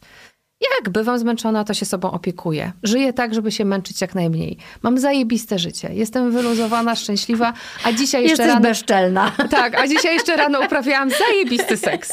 Jesteś bezczelna i w ogóle przestań kłamać. Na Prze... pewno tak nie ma. I, I w ogóle, jak, co pomyśli wtedy o nas rodzina? No zwariowała, no głupia. Bezczelna. Jak, bezczelna. W ogóle jakieś coachingi, stringi pewnie przeżyła. U tak. psychologa była. Odbiło jej. Głupie książki czytała, tak. nie? Odbiło jej, że my jeszcze też tak sobie myślę, drogie słuchaczki, zadajcie sobie e, takie pytanie, czy my mamy zgodę na to, żeby kobiety wokół nas właśnie nie były zmęczone? Albo że, czy my mamy zgodę na to, że jeżeli kobiety nawet są zmęczone, bywają zmęczone, to jakby szybko umiejąc coś z tym zmęczeniem zrobić, żeby wrócić do takiego stanu właśnie bycia ży, żywą na żywo i uśmiechniętą. Ja na przykład właśnie ostatnio, kiedy miałam ten taki spadek ten, tego doła, usiadłam, wiesz, no, cały czas te kwiatki na Mhm. tym tarasie są nieposadzone, dzisiaj może się tym zajmę. I wiesz, mówiłam o tym, że mam tu rozgardiasz, ale siedzę na swoim tarasie w słońcu i piszę ten podcast, właśnie ten, którego dzisiaj słuchacie. I ty miałaś do mnie zaraz jeszcze Mhm. przyjechać. I tak sobie, i tak jak już to powiedziałam i to nagrałam, to sobie pomyślałam tak, Boże, ale pewnie ktoś pomyśli, że jestem żałosna, że tak się żalę, ale potem sobie myślałam, kurde Bele, dałam sobie prawo do tego, żeby to powiedzieć na głos. Wiesz, że ze mnie spadło to od razu, jak Tak, to powiedziałam tak. na głos. Czy to akurat nie było nikogo wtedy, do kogo mogłam to powiedzieć. Nagrałam to w telefonie, gdzie dostałam mnóstwo wiadomości od dziewczyn. Dziękuję, że o tym Mhm. mówisz. Ja też się czuję dzisiaj strasznie. Dzięki, że o tym mówisz. Trzymaj się, dużo siły dla ciebie. Po czym wstałam, zjadłam sześć ogórków małosolnych. Spojrzałam na to wszystko z dystansu. Już nie miałam tego bagażu na sobie, że, że ja to wszystko czuję. I po prostu wrzuciłam znowu kolejne stories. Hej, moje życie jest zajebiste, zjadłam sześć ogórków i w ogóle jest mi lepiej. Dzięki, że mnie wysłuchałyście. Tak. I to, I to się zadziało, wiesz, na zasadzie takiego stryczka. Ale bo na tym polega regulowanie emocji. Że czy to było zdrowe regulowanie emocji? Tak, no bardzo zdrowe. No przede Okej. wszystkim, znaczy no, ogórki małosolne są zdrowe. Prawda? I to jest teraz czas na, e, na ogórki, więc Kocham. absolutnie teraz powinniśmy je jeść. Natomiast e, w regulowaniu emocji chodzi o to, żeby przede wszystkim je zauważyć. Żeby je uznać. uznać. I żeby... My, my często marnujemy bardzo dużo energii na to, żeby maskować swoje emocje. I ja naprawdę na sesjach i na warsztatach to widzę, że jak kobieta, mężczyzna też, no jak y, kobieta zaczyna mówić o swoich emocjach, to jakby mm, coś się w twarzy zmieniało, jakby coś puszczało, jakby żuchwa puszczało, jakby coś, jakby coś spadało z tych pleców i było tej kobiecie lżej, bo, bo, bo naprawdę marnujemy mnóstwo energii na to, że zaprzeczamy swoim emocjom. A jeżeli będziemy w tych emocjach wysłuchane, zauważone i ktoś powie, rozumiem cię, albo widzę, że jest ci trudno, szanuję to, co czujesz, może nawet nie rozumiem dokładnie, ale jestem przy tobie, tak?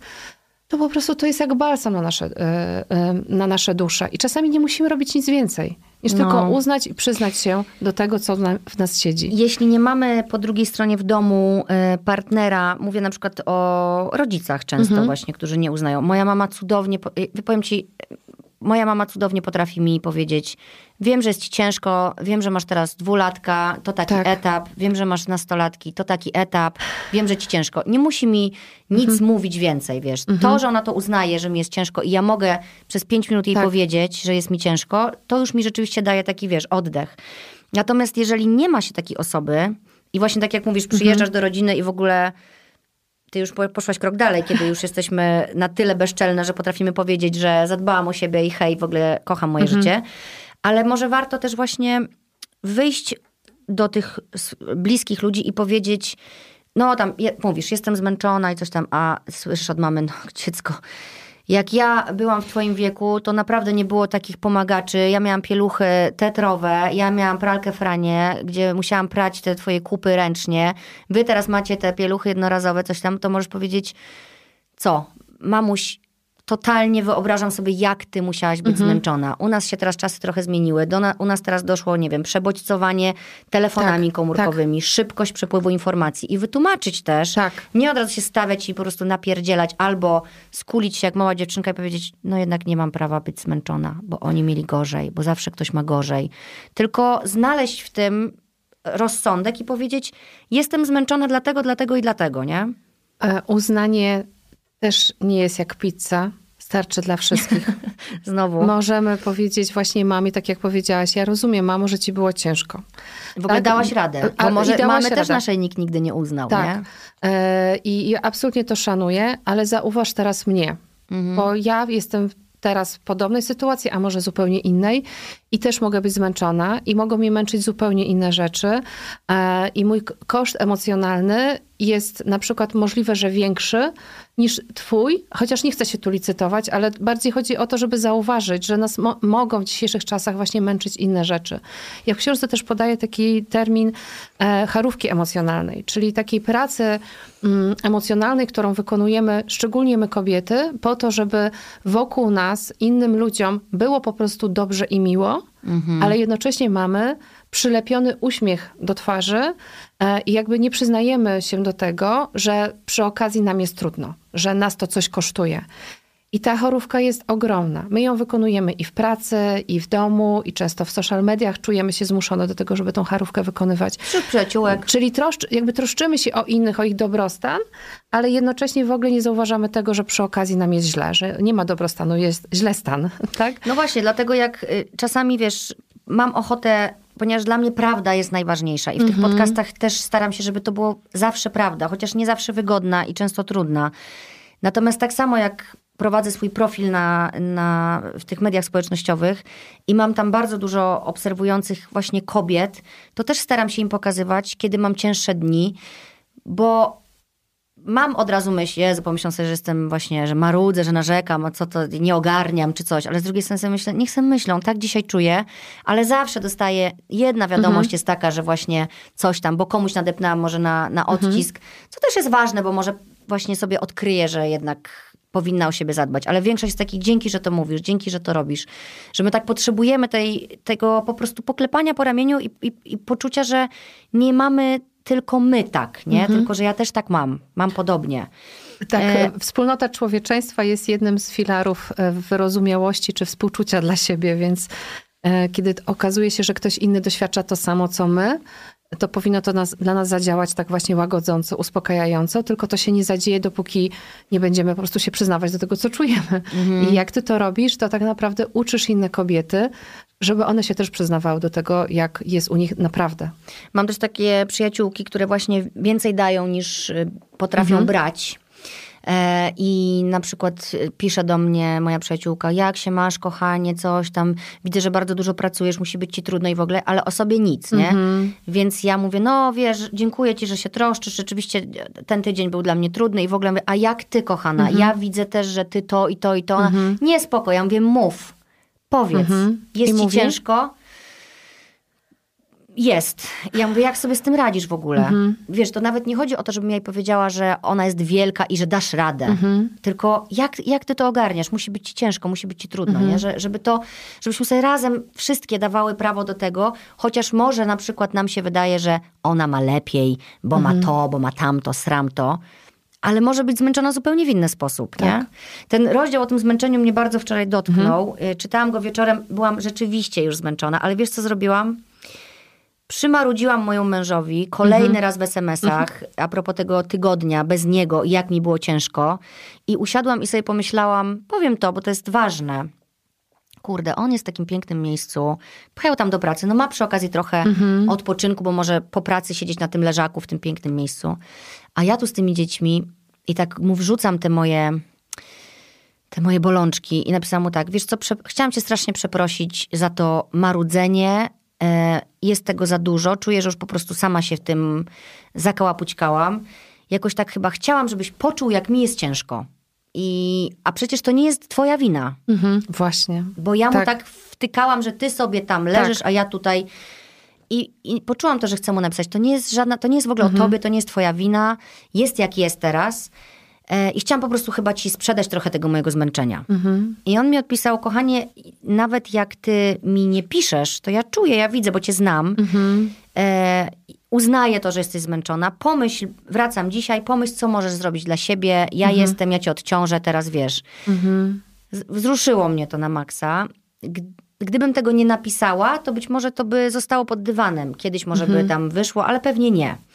Więc ważne jest to, żeby jak przyjdzie jakaś refleksja do ciebie, do mnie, do nas, do was, dziewczyny, że czujecie, że gdzieś tam, kurde, może za bardzo przycisnęłam, może to podzielcie się tym z tą drugą stroną. Wiesz, żeby nie trzymać tej gardy cały czas, nie? Że kurde, on ma teraz lepiej, to ja mu pokażę, jak ja mam źle, żeby on to poczuł po prostu, aż żeby mu w pięty poszło. To jest w ogóle no okropne, właśnie. bo to jest też przemoc, mi się wydaje, robienie Jest. czegoś takiego, nie? I warto to powiedzieć głośno. Jest. Ja się do tego przyznaję.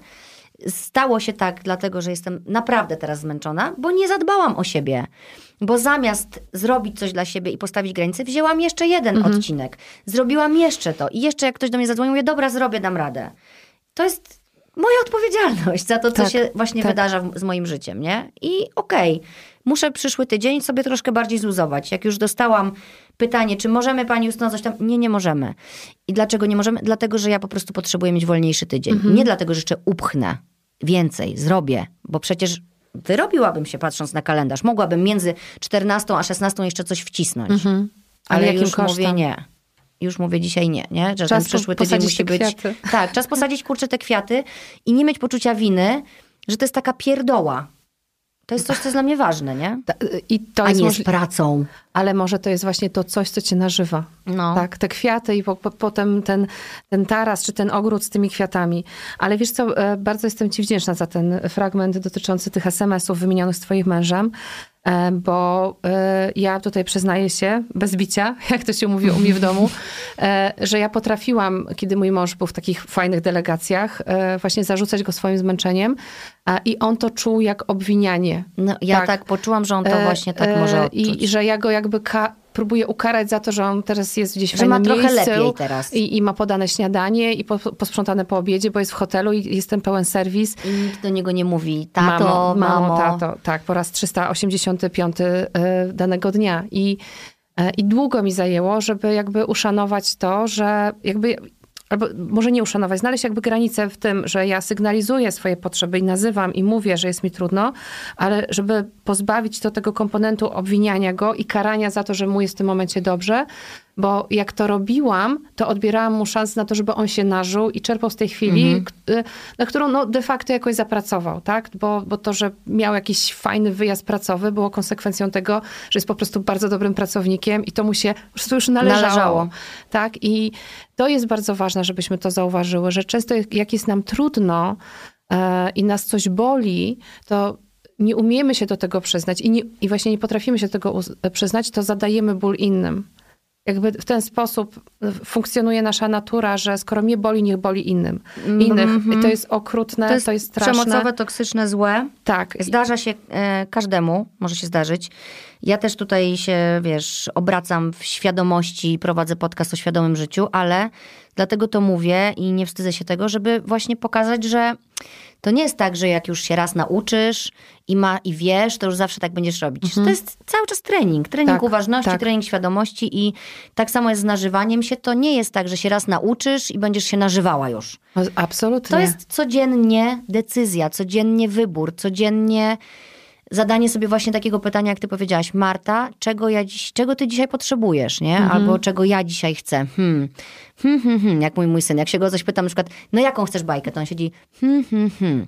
I żebyśmy sobie też zadali takie pytanie właśnie i dali sobie moment na to hmm, hmm, hmm. Tak. Bo tutaj jest też potrzeba bardzo dużo cierpliwości. Możemy nie wiedzieć, nie? Tak. Możemy być już tak dojechane, że jak ci ktoś zapyta, czego potrzebujesz, to powiesz, nie wiem, spokoju. No a jak ten spokój chcesz osiągnąć? Nie wiem, bo jesteś już w takim amoku, że ci się wydaje, że już go nigdy nie osiągniesz Mhm. i w ogóle on jest nie dla ciebie, nie? Tak.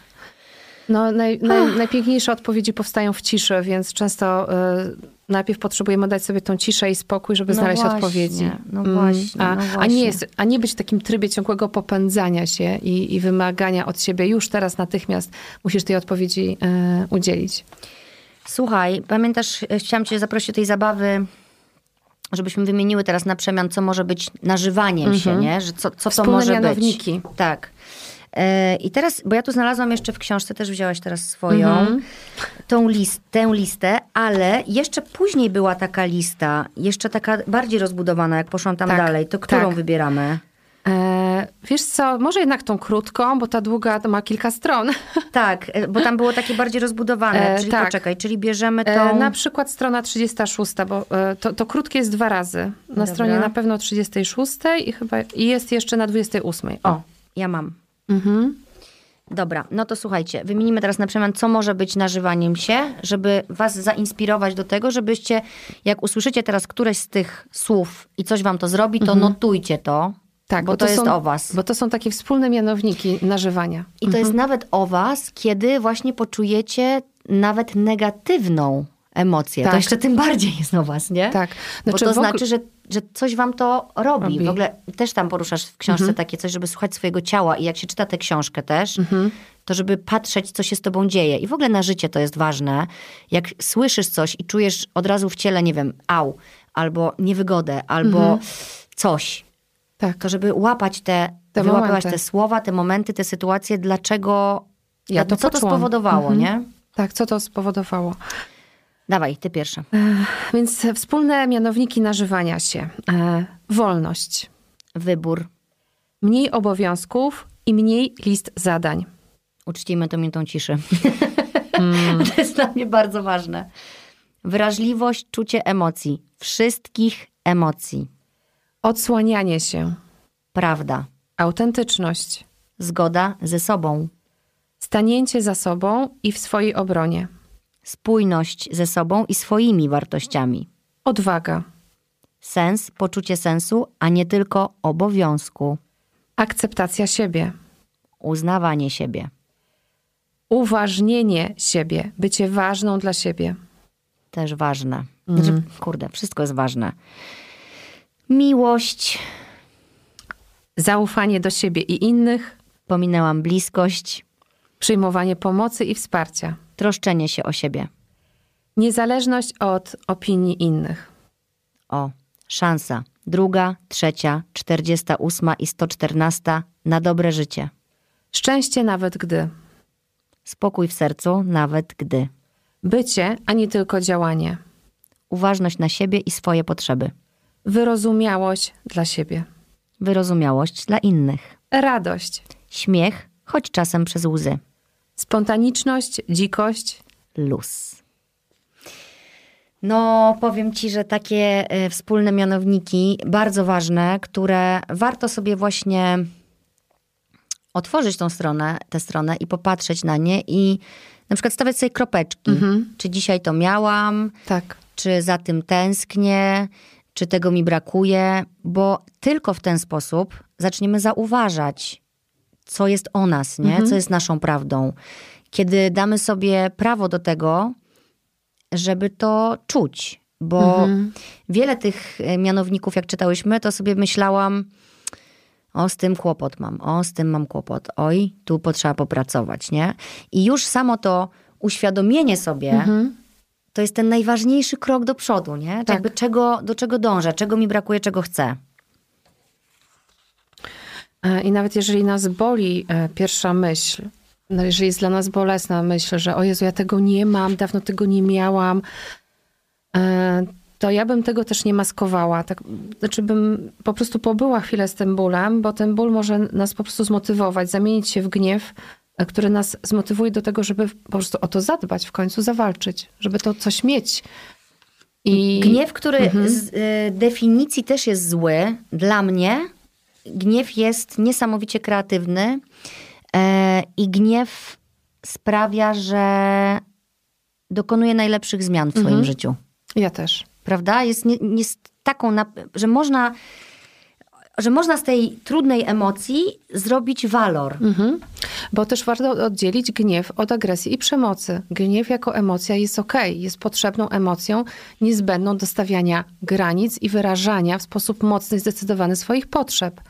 A agresja i przemoc są o tyle złe, że wiążą się z krzywdzeniem innych osób i nadużywaniem ich granic. I no jakby tego nie rekomendujemy, tak? Ale wyrażanie gniewu, kiedy ja mówię zdecydowanym głosem, ja tego chcę albo ja tego nie chcę, My bardzo potrzebujemy tego gniewu. Jest nawet takie określenie jak słuszny gniew. Słuszny gniew. O, Mhm. to są też dobre te ym, określenia jak słuszny gniew, zdrowy egoizm, żebyśmy sobie nazywali, że to jest wciąż ta emocja, Tak. tylko wyrażana w, nie wiem, konstruktywny, dobry sposób, Mhm. Tak. taki, który prowadzi do jakiegoś dobrego finału, a Tak. nie wyżywania się na innych, nie? Że Mhm.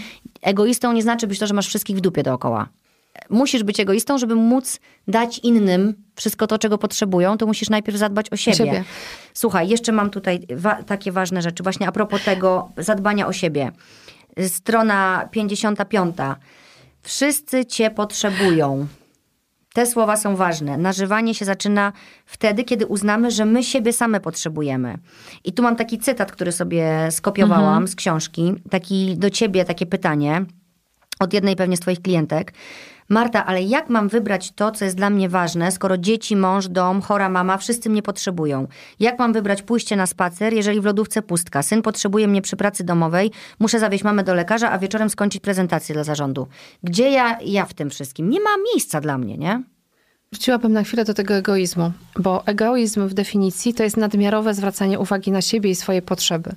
A ja zachęcam kobiety i siebie samą, wszystkich, do tego, żeby e, przede wszystkim postawić siebie na równi z innymi, swoje potrzeby postawić na równi z potrzebami innych. I to już nie jest egoizm, bo to nie jest nadmiarowe. To jest po prostu uznanie swoich potrzeb. Partnerstwo. To jest partnerstwo. Z samą sobą. I to jest jakby zauważenie tego momentu, że okej, okay, ja potrzebuję iść na spacer, moje dziecko potrzebuje pracy domowej. I co teraz? I, i tylko sobie warto zadać e, pytanie, okej, okay, jeżeli ja nie pójdę na, na ten spacer, to jaka ja będę przy odrabianiu pracy domowej? Wredna, zrobię to przez zaciśnięte zęby, będę uszczypliwa, będę popędzać to dziecko. Wywalę mu przy okazji coś, o czym to w ogóle nie jest teraz, nie? Że, Tylko że coś, co zrobił tydzień temu na przykład, albo Dokładnie. I jak ty możesz tego nie ogarniać? I, i, I może lepiej dokonać takiego rachunku, że ja najpierw pójdę na ten spacer, a później... E, i na ten spacer na 15 minut dosłownie. Czasami więcej siedzimy, umówmy się, na toalecie z telefonem. Bo to jest jedyne miejsce, gdzie możemy przez chwileczkę być same i, I się troszkę dobodźcować jeszcze telefonem, nie? Dokładnie. A, Błędne koło. A, a może jednak lepiej zrobić krótką rundkę dookoła bez bloku. Telefonu. Bez telefonu. Albo trzy rundki dookoła bloku i wrócić i rzeczywiście nadal być w tych obowiązkach i wspierać swoje dzieci i swoją rodzinę, ale już być bardziej nasyconą, bardziej nażytą i bardziej żywą.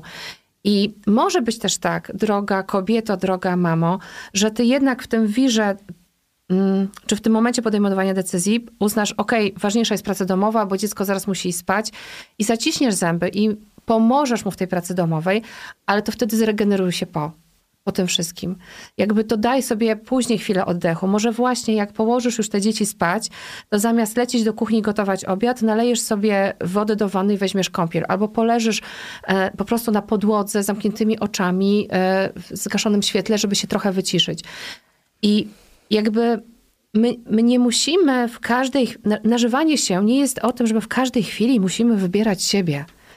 Właściwie nażywanie jest o tym, żeby wybierać świadomie i zadbać o siebie albo przed wykonywaniem czegoś trudnego, albo w trakcie robienia czegoś trudnego, albo po robieniu czegoś trudnego dla nas. Ale zauważyć siebie. Zgłosiłam się y, do odpowiedzi, podniosłam rękę, bo poczułam bardzo teraz, że ja właśnie ostatnio y, odpuściłam siebie. Mhm. I tak tak za tym tęsknię, że właśnie to jest też o tym, że ja próbuję zwalić na kogoś odpowiedzialność. Mhm. Jak właśnie na mojego męża, nie? Mhm. Że on wyjechał, ale to biedna zostałam z tymi dziećmi. Natomiast odpuściłam moje codzienne uprawianie, praktykowanie jogi, mhm. które było dla mnie świętością i to, że ja robiłam to rano, sprawiało, że już później przez cały dzień, kiedy wydarzało się mnóstwo różnych rzeczy i byłam potrzebna milionom ludzi, którzy teraz chcieli ode mnie odpowiedzi w mailu, teraz mhm. chcieli przez telefon coś ustalić, teraz chcieli mnie zaprosić do jakiejś współpracy, teraz chcieli porozmawiać o odcinku, teraz musiałam zrobić lekcję, a tu ze szkoły jeszcze i tak dalej, to ja wiedziałam już, że już o siebie zadbałam, bo zrobiłam to rano. Mhm. I samo to poczucie, spoko, dam radę, bo ja już dzisiaj o siebie zadbałam, było dla mnie po prostu zbawienne i ja muszę do tego wrócić. Natomiast jest to trudne i jest to znowuż podjęcie decyzji, bo wymaga to znowuż przeorganizowania tak, czasu. Tak. Wstania trochę wcześniej. Wiesz, jakby powiedzenia w domu, hej, to jest moje pół godziny, nie wchodzić mhm, proszę. Tak. W ogóle nie ma możliwości, żeby ktoś tu mhm. wszedł. Postawienia tych granic co się wiąże z tym, że ktoś może być z tego powodu niezadowolony, komuś to może nie odpowiadać, wiesz. I dlaczego o tym mówię? Bo to jest znowu ta decyzja, nie? Żebyśmy, w ogóle całe nasze życie jest podjęciem decyzji. I jeszcze chciałam tutaj zapętlić i, i, jeszcze poruszyć taki temat, bo już rzeczywiście e, mamy końcóweczkę. E, masz za sobą wiele trudnych chwil w życiu. Mhm doświadczeń, które wydawało się wtedy, jak je przeżywałaś, że już cię nic dobrego nie spotka, nie? Miałaś takie myślenie. Ja też. Coś cię testowało. Mhm. Mogłaś odpuścić i po prostu dalej żyć i powiedzieć, no mnie się nie udało. Ja sobie myślę, że życie jest y, nie o tym, że się komuś udało albo nie, że my rzeczywiście mamy ogromny wpływ na to, jak to nasze życie będzie wyglądało. I uciekanie od odpowiedzialności za swoje życie. Ja wiem, że ludziom jest trudno. Mhm. E, znam natomiast takie przykłady kobiet, mężczyzn, którym było bardzo trudno, a mimo to, albo właśnie dzięki temu, są tu, gdzie są dzisiaj. Tak.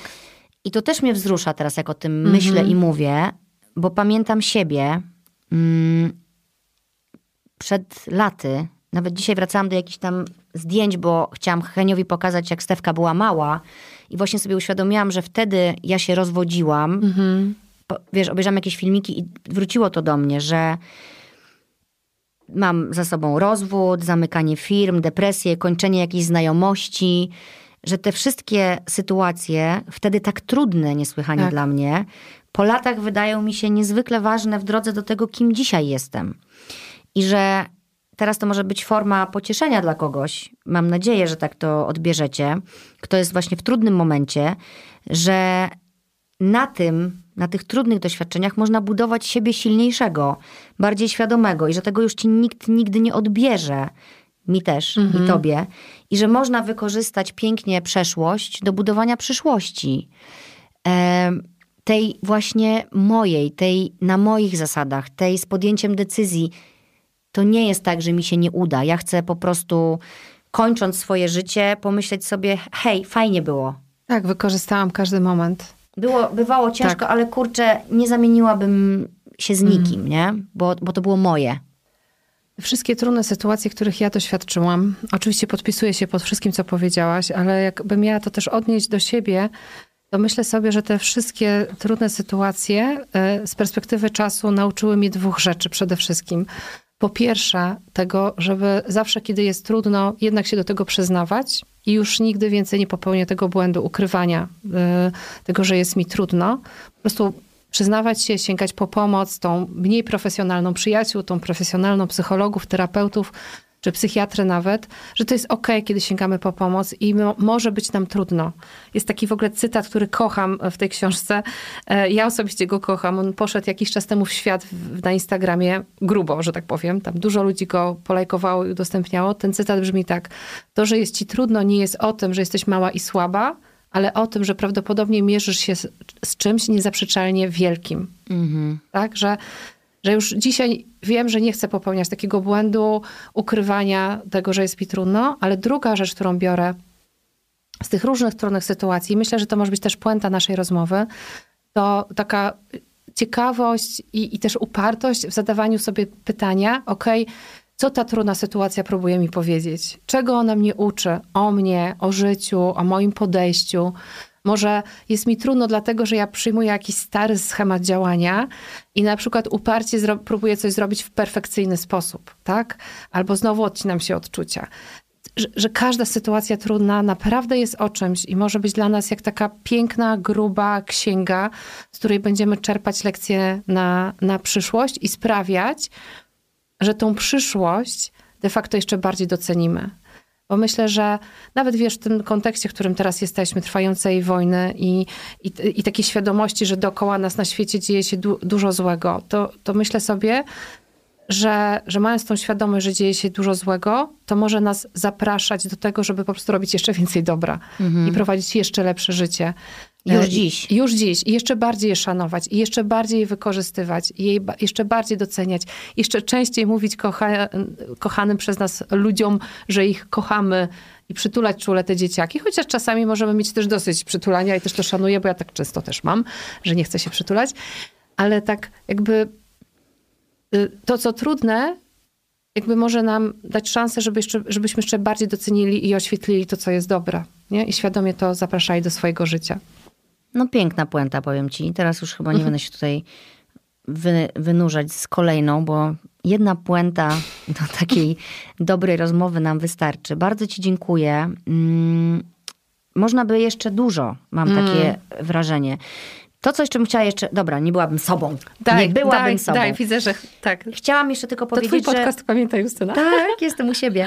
Że to, co y, dzisiaj wszystko mówimy, odnosi się, bo tutaj dużo było o macierzyństwie, bo rzeczywiście ono potrafi dojechać i mi się wydaje, że to się tak człowiek definiuje na nowo, kiedy zostaje mamą, że nagle sobie myśli, Jezus Maria, ktoś mnie oszukał, dlaczego to życie jest takie trudne. Nie mówili o tym na szkole rodzenia. Nie mówili. Natomiast chciałabym tutaj też uściskać, ukłonić się dziewczynom, facetom, wszystkim, którzy słuchają, którzy nie mają dzieci, bo nie chcemy się dzisiaj tu licytować na to, kto ma trudniej, kto ma Tak. gorzej. E, każdy ma prawo do czucia tego, co czuje, w taki sposób, w jaki czuje, jeśli tylko ma na to ochotę. Tak. I nie musisz mieć dzieci, żeby się czuć zmęczoną. Może cię męczyć kompletnie co innego. Nie musisz mieć wyrzutów sumienia, e, spotykając się z koleżanką, która ma dzieci, mówiąc jej, że sobie z czymś nie radzisz. No bo co ty możesz wiedzieć o życiu? Bo my so, nie róbmy sobie Nie tego róbmy. nawzajem. Nie mówmy sobie i kobiety, i mężczyźni. Nie mówmy sobie mężczyźni, nie mówmy kobiecie, jak mówi, że jest zmęczona, że to ty chciałaś te dzieci, bo to jest najgorsze, co można usłyszeć. I gwarantuję wam, że to się wryje po prostu jak tatuaż w serce i już tam zostanie. Starajmy się myśleć o tym, co mówimy do drugiego człowieka i czy to jest coś, co sami byśmy chcieli usłyszeć. Myślę, że to jest najważniejsze w ogóle w człowieczeństwie, nie? I, Tak. i w każdej relacji. Tak. Czy to jest coś, co mnie by zabolało, czy nie? Wiadomo, że walimy czasami z karabinu i nie myślimy, ale od tego są przeprosiny. I, i, każdy, I właśnie nażyć się starczy dla każdego. Czy jesteś taki, śmaki, owaki, kochasz tego, tamtego, tą, czy masz dzieci, czy nie. Życie jest piękne dla, i dla każdego może być. I, I przestańmy po prostu szukać wymówek i tego, że mi coś nie wypada, nie można, bo ja mam za dobrze, za źle, za jakoś tam. Każdy ma swoje życie i powinien się nażyć po prostu, Tak. żeby potem kończąc to życie pomyśleć sobie, było super. Tak. I tego wam wszystkim życzę. I nam Życzymy. też. Życzę ci tego, kochana. Żebyś na łożu śmierci się uśmiechnęła i powiedziała, Jezu, jak było super. I miała zajebisty, wesoły pogrzeb, na którym będzie mnóstwo ludzi, którzy będą wspominać te na życiowe chwile razem No. czy osobno, nie? Miałam, kurde, no nie skończymy tej rozmowy. Miałam ostatnio taką rozmowę e, ze znajomą, która powiedziała, że ona by chciała, żeby na jej pogrzebie wszyscy się bawili, żeby była impreza i coś tam. I ja tak na nią spojrzałam, mówię tak, słuchaj, chyba nie możesz tego wymagać od swoich bliskich, którzy cię bardzo kochają. To zbyt wiele. Daj im popłakać. Ja myślę, Tak. że oni będą bardzo smutni jednak, jak ty umrzesz. I też cię powinno to ucieszyć, że ktoś po tobie zapłacze. Bo my zawsze tak, No wiesz, tak, chcemy właśnie tak. i już i później, jak to powiesz, że macie się na moim pogrzebie bawić, okej, uśmiechnę się na A pewno. może być to i to. A może być to i i śmiech, i I łzy, łzy. i moment wzruszenia, i, i moment śmiechu. Pięknie. Nie puentuję już 60 raz. Dziękuję bardzo, dziękuję, że słuchałyście, słuchaliście i pozdrawiamy wszystkich panów i będę teraz to tutaj powtarzać, bo mnie to naprawdę urzekło, że panowie piszą. Wszystkiego dobrego dla was. Wszystkiego dobrego.